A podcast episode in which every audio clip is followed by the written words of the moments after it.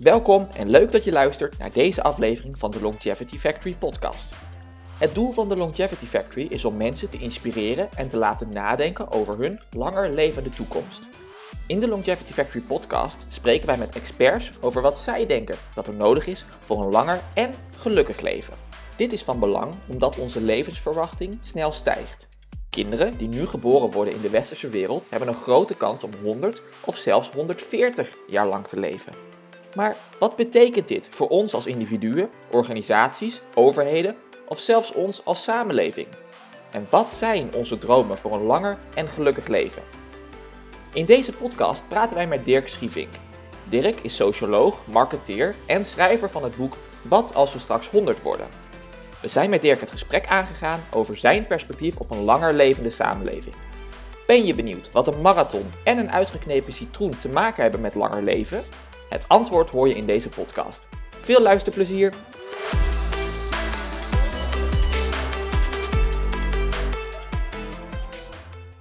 Welkom, Dirk. Um, leuk dat je vandaag te gast wil zijn in onze Longevity Factory podcast. We zijn hier in Hulst, in Zeeuws-Vlaanderen, um, dicht bij jouw woonplaats. Zou je jezelf kort even willen introduceren voor de luisteraar? Ik ben Dirk Schijving, ik ben uh, 63 jaar.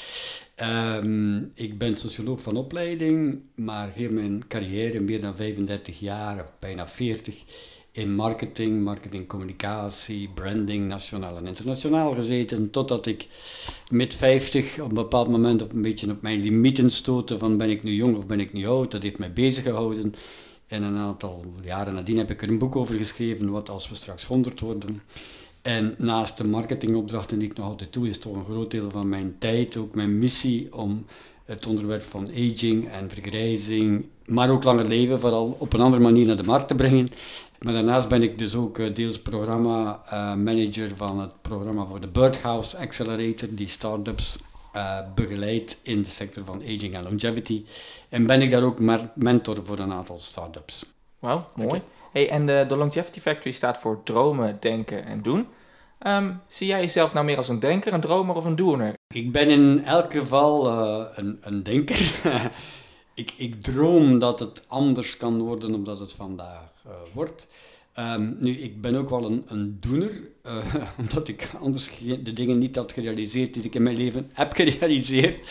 Maar het moet altijd wel goed bedacht zijn. Ik, ik, als ik geen opening zie om iets te brengen, dan begin ik er ook niet aan. Dus in die zin ben ik maar half ondernemer.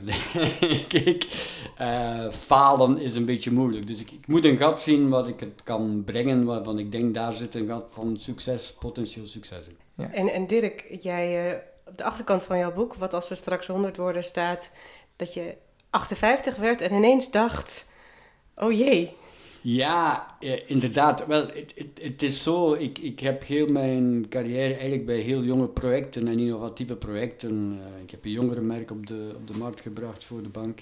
En toen op een bepaald moment, ja, toen, toen de nieuwe digitale trend die zo na de, de financiële crisis van 2008 in de bank- en verzekeringswereld aan het komen was, dan voelde ik van ja, hier kijken we toch wel heel veel naar jonge mensen.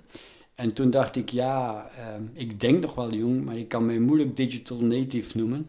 En toen heb ik, denk ik, te, ook wel te snel afgehaakt om te zeggen, ja, ik, ik ga een andere richting uit. Er, zit een, er komt een generatieprobleem als we niet, niet, niet, niet goed zien wat dat we doen. Dus ik, ik moet daar iets mee doen. want ik, ik kan niet oud zijn, maar ik ben ook niet meer jong. Dus je moet dan je leeftijd aanvaarden. En het idee van forever jong, dat, dat op die moment begon dat zo toch wel een beetje te schraren. Van ja, is dat nu wel een goed idee? Um, draagt dat bij tot de discussie over ouder worden als je per se zegt ik wil jong blijven? Nee, dus maar het aanvaarden. Het is altijd de twee richtingen dat je ingaat. Hè. Gaan we inderdaad proberen eeuwig jong blijven en dat is een deel van de business denk ik waar dat we in zitten. En het andere deel is, gaan we de, de leeftijd aanvaarden in plaats van anti-aging, de aanvaarding van de leeftijd en zeggen ja, het, heeft zijn waarde. Uh, en die twee richtingen vechten een beetje tegen elkaar. En daar moest ik dus iets mee doen. In jouw uh, boek komt er heel veel het thema beeldvorming ja. naar voren. En eigenlijk dat we steeds meer eigenlijk ja, jong en oud uit elkaar ja. trekken. hoe zie jij dat in, in, in België, waar jij woont, ook terugkomen? Ik, ik zie in België, het, het is geen continue discussie, het boomt soms eens op. En er is een, anderhalf jaar geleden heeft er een radioprogramma een nieuwe term voor de boomers proberen vinden. En dan was er heel veel discussie op social media van oh, de boomers en de, de, millennials en de generation enzovoort. Um, maar het is geen continue discussie. Wat ik wel zie, is dat het een latente problematiek is, waarin dat je gewoon ziet dat we uit elkaar aan het groeien zijn. Ja, je ziet natuurlijk dat er heel veel bedrijven met de digitale transformatie jongeren binnentrekken. En dus jongeren voelen wel van wij zijn hier gesteund. Heel de HR is van hoe kunnen we mensen aantrekken. Dus de, de war of talent, allemaal jonge mensen. En, en ja, die, die ouderen hebben er nou wel uh, uh, hun denken over. Maar, maar ze zouden natuurlijk, de productiviteit stijgt als ze kunnen samenwerken. Uh, terwijl dat, dat, dat ook niet in de geesten zit van werkgevers. Die zeggen, ja oké, die oudere mensen die gaan minder opleiding. Het is vooral de jongeren, dat is de toekomst. Maar we moeten denk ik naar de twee, naar de twee gaan. Hè. Ja. En wat zou daar een eerste stap dan in kunnen zijn? Wij elkaar begrijpen. Ik, ik neem nu een voorbeeld, empathie.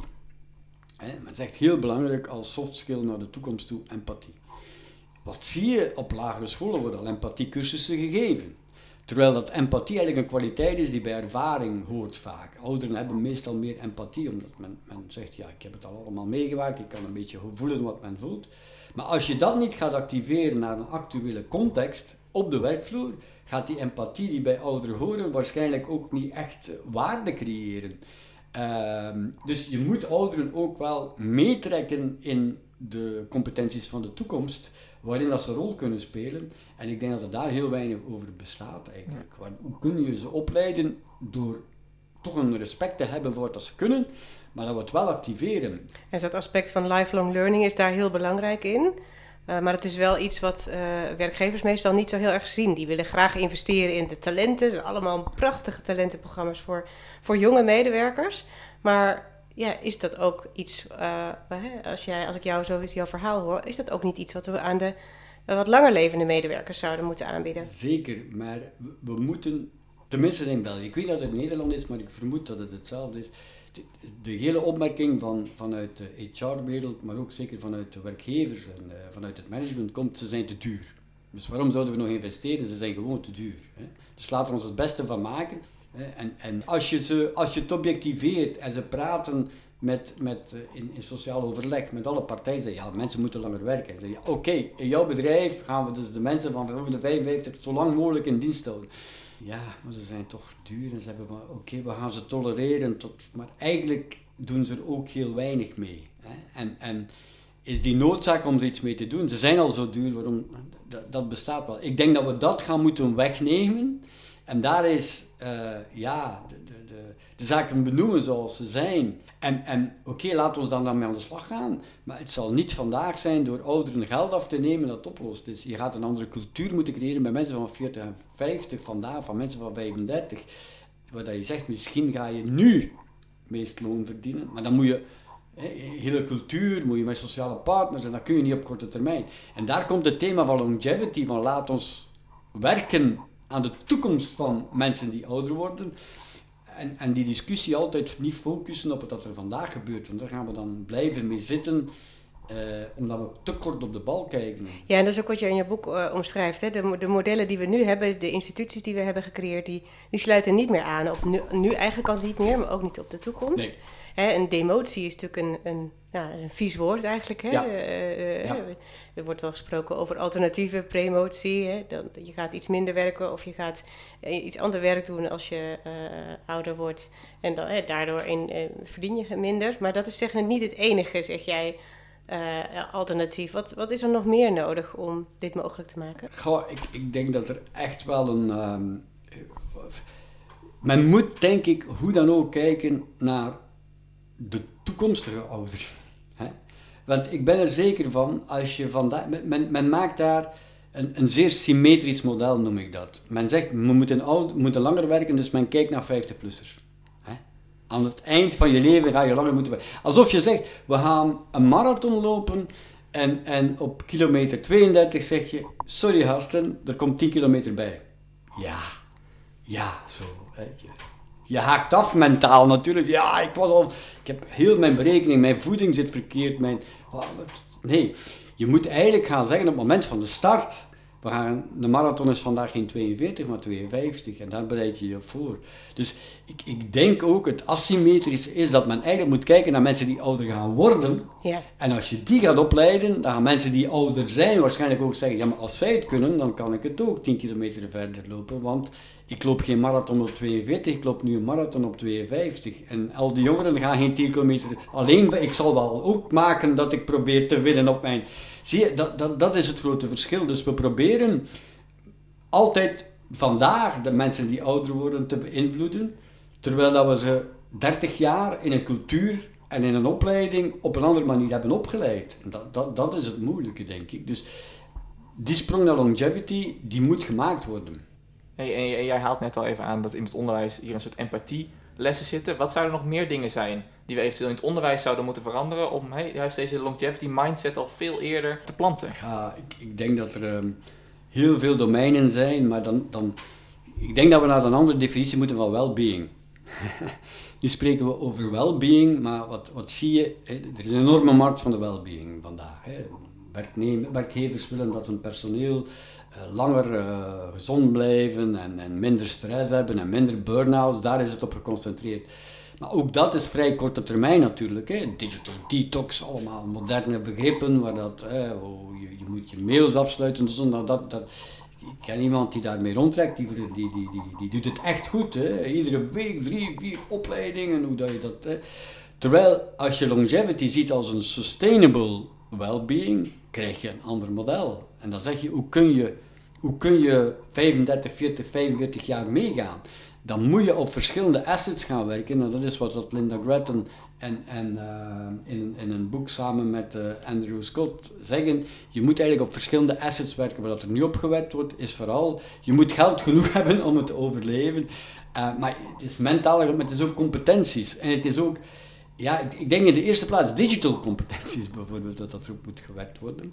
Dus we moeten dat op een totaal andere manier gaan organiseren. Maar dat is ook weer werk voor lange termijn, terwijl we nu weer kijken van, ja, dat is een merkwaardig. Langer leren, hoe gaan we ons onderwijs gaan vormen? Ja, maar dat onderwijs zit vandaag vooral in het begin. Je, hè, en de scholen, en, en we moeten anders les gaan geven het moet vooral vanaf je 35ste dat het anders moet. Moeten universiteiten daar een rol spelen? Hoe ga je dat op de werkvloer doen? En dan krijg je totaal andere, andere beelden. Ja. Het is ook heel moeilijk om zo in de toekomst uh, te kijken naar wat we nodig hebben. We weten dat we de laatste 200 jaar e onze levensverwachting enorm is toegenomen, ja. echt verdubbeld. Hè, van zo uh, gemiddeld 40 jaar naar nu ruim 80 en dat neemt alleen nog maar verder toe.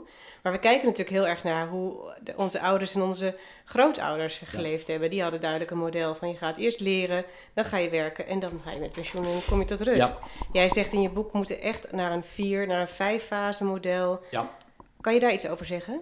Um, goh, er zijn verschillende elementen in, in uw vraag, denk ik.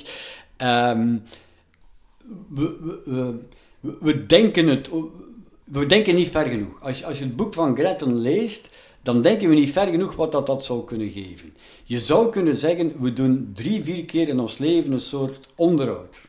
En, en, en, waar staan we?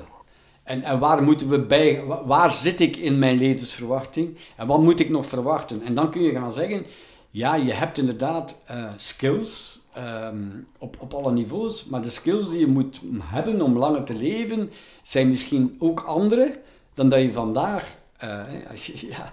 dus, dus we moeten een soort beeld gaan maken van iemand van, van 30 om te zeggen: ja, rook je? Ja, oké, min 2 punten. Uh, doe je sport? Nee, min 10 punten.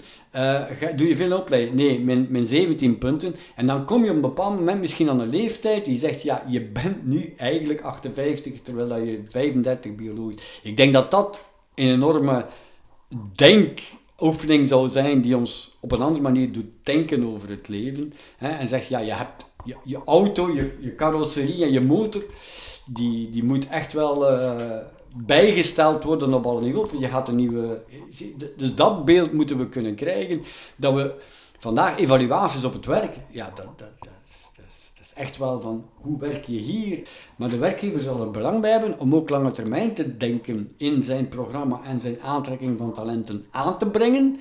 Om mensen te zeggen, ja bij ons, hè, we hebben een babysit. Ja, maar dat is korte termijn natuurlijk, want je blijft geen baby's hebben.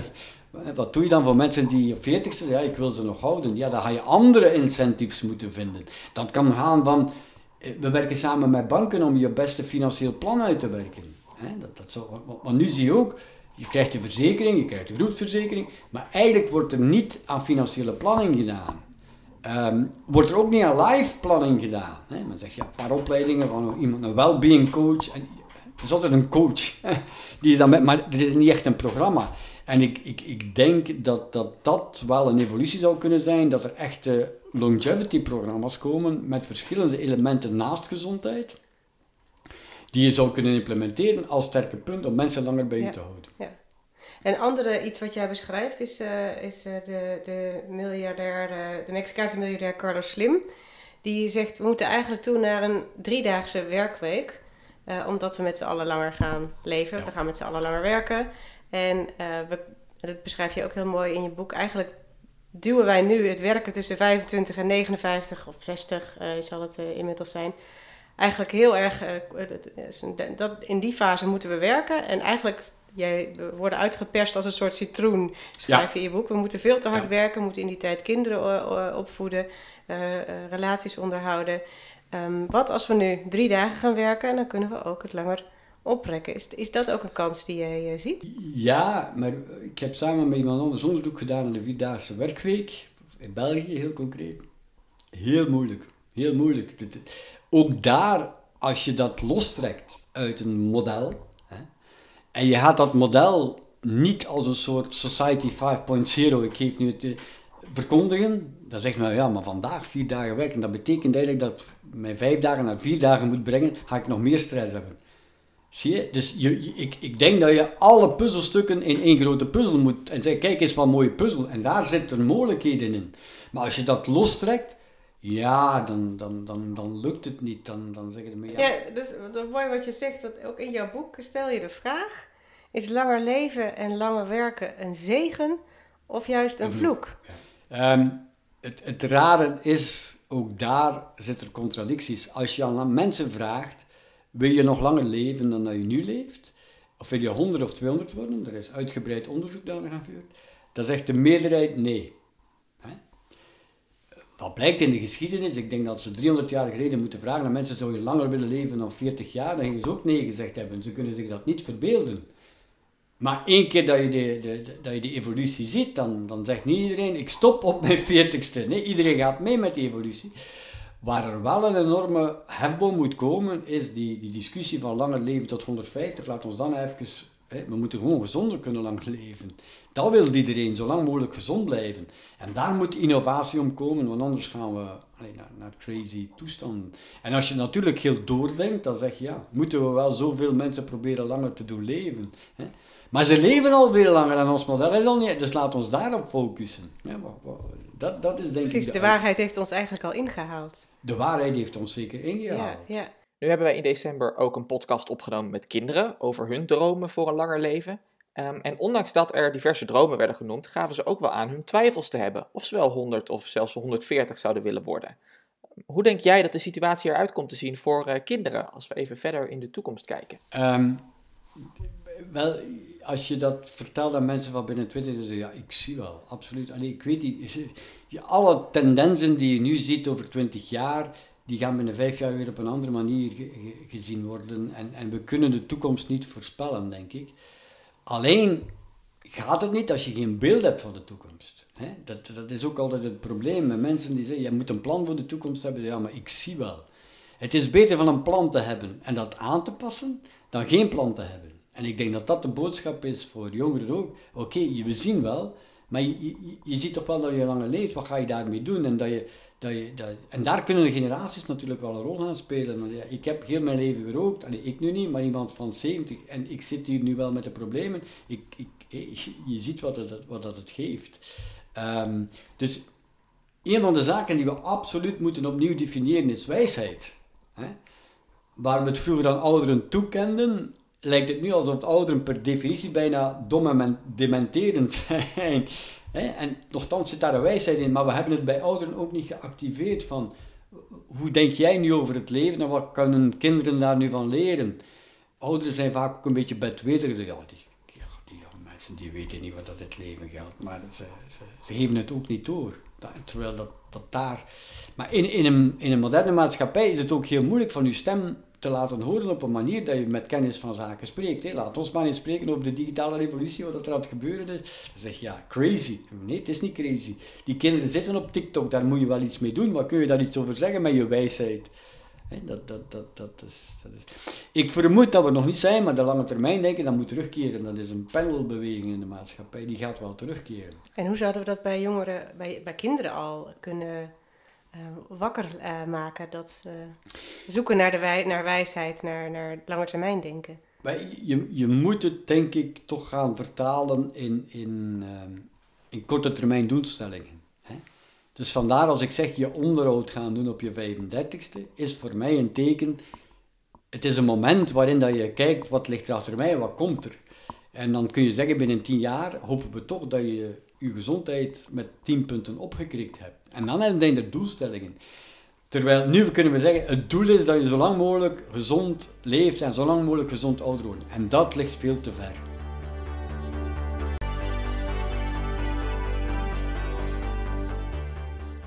Een belangrijk onderdeel van de Longevity Factory zijn onze Longevity Explorers.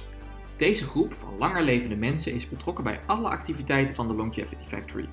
Zo ook bij de podcast. Hun vragen aan Dirk hoor je in het volgende onderdeel There is more to explore.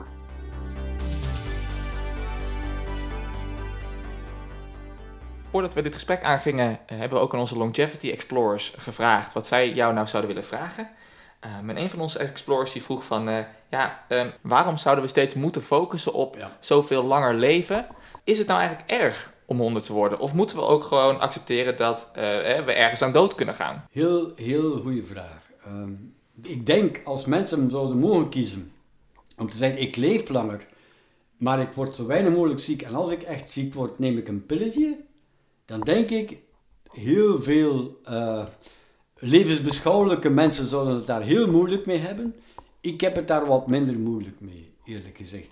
Dat, dat, we mogen ook de, de, het, het denken uit het verleden zomaar niet gaan zeggen. Dat zijn wijsheden die heel de, het bestaan van de kosmos gaan meegaan.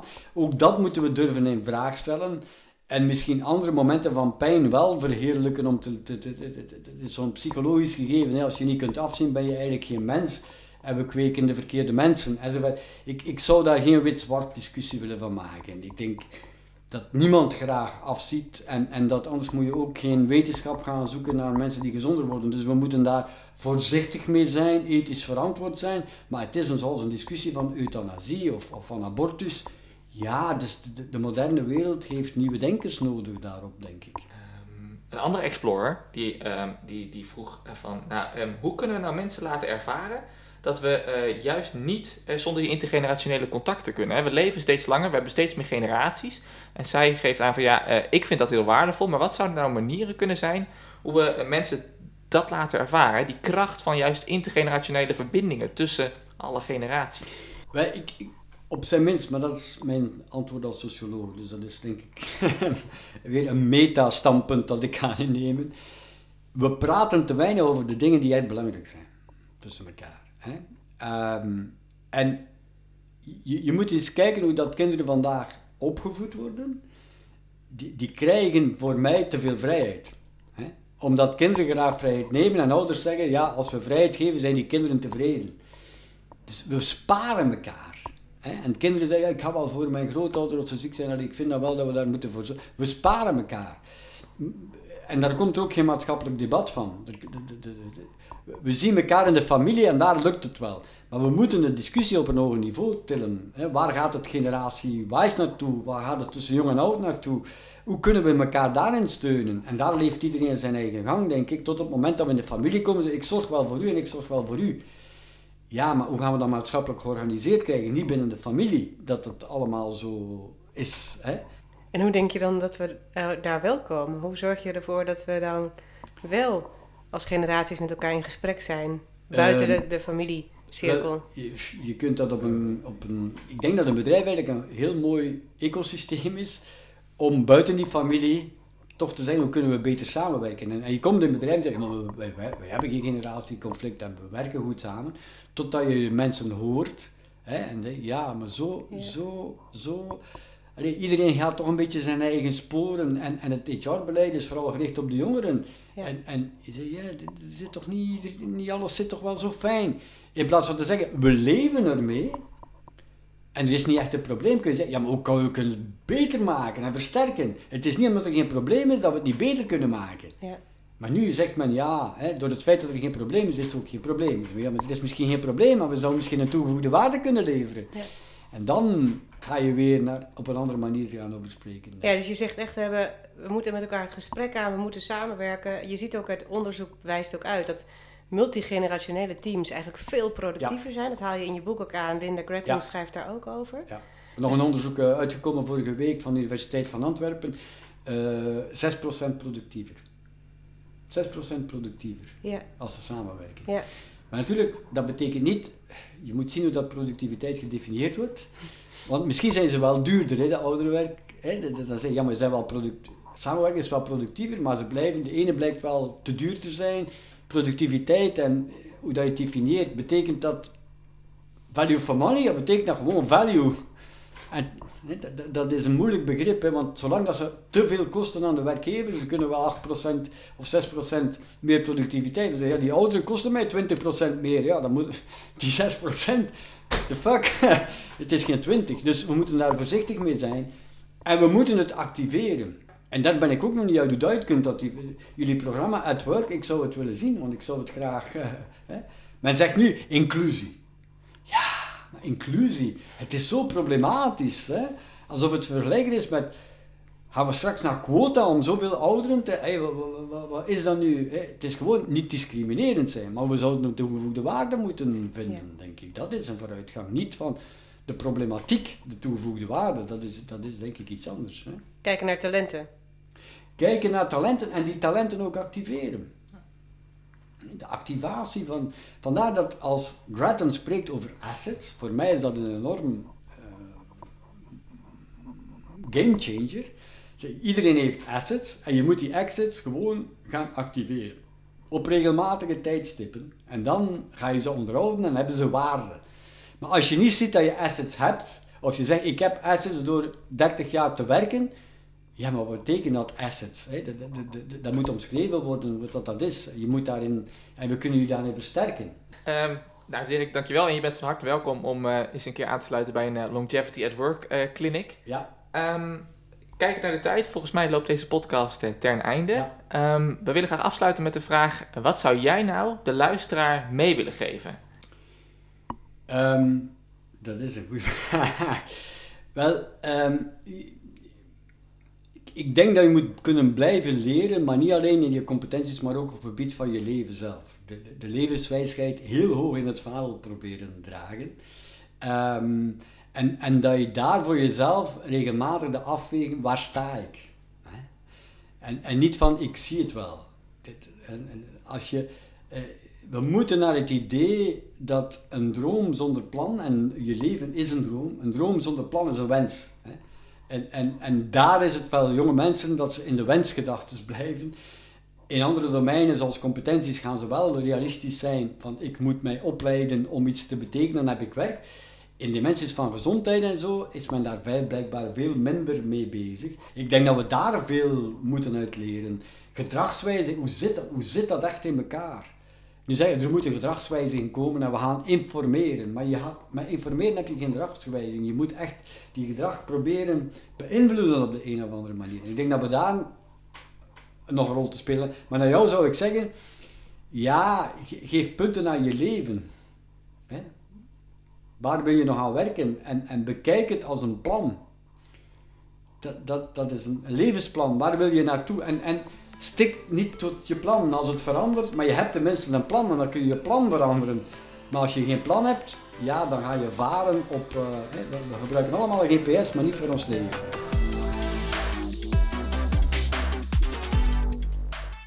Je luisterde naar een aflevering van de Longevity Factory podcast. Wil je meer weten over de Longevity Factory, onze Longevity Explorers of wil je zelf Longevity Explorer worden? Kijk dan in de show notes voor een link naar onze website. In de show notes staat ook een linkje naar het LinkedIn profiel van Dirk Schievink. Wil je reageren op deze podcast? Stuur dan een mailtje naar thelongevityfactory@gmail.com. Dankjewel voor het luisteren. Dag!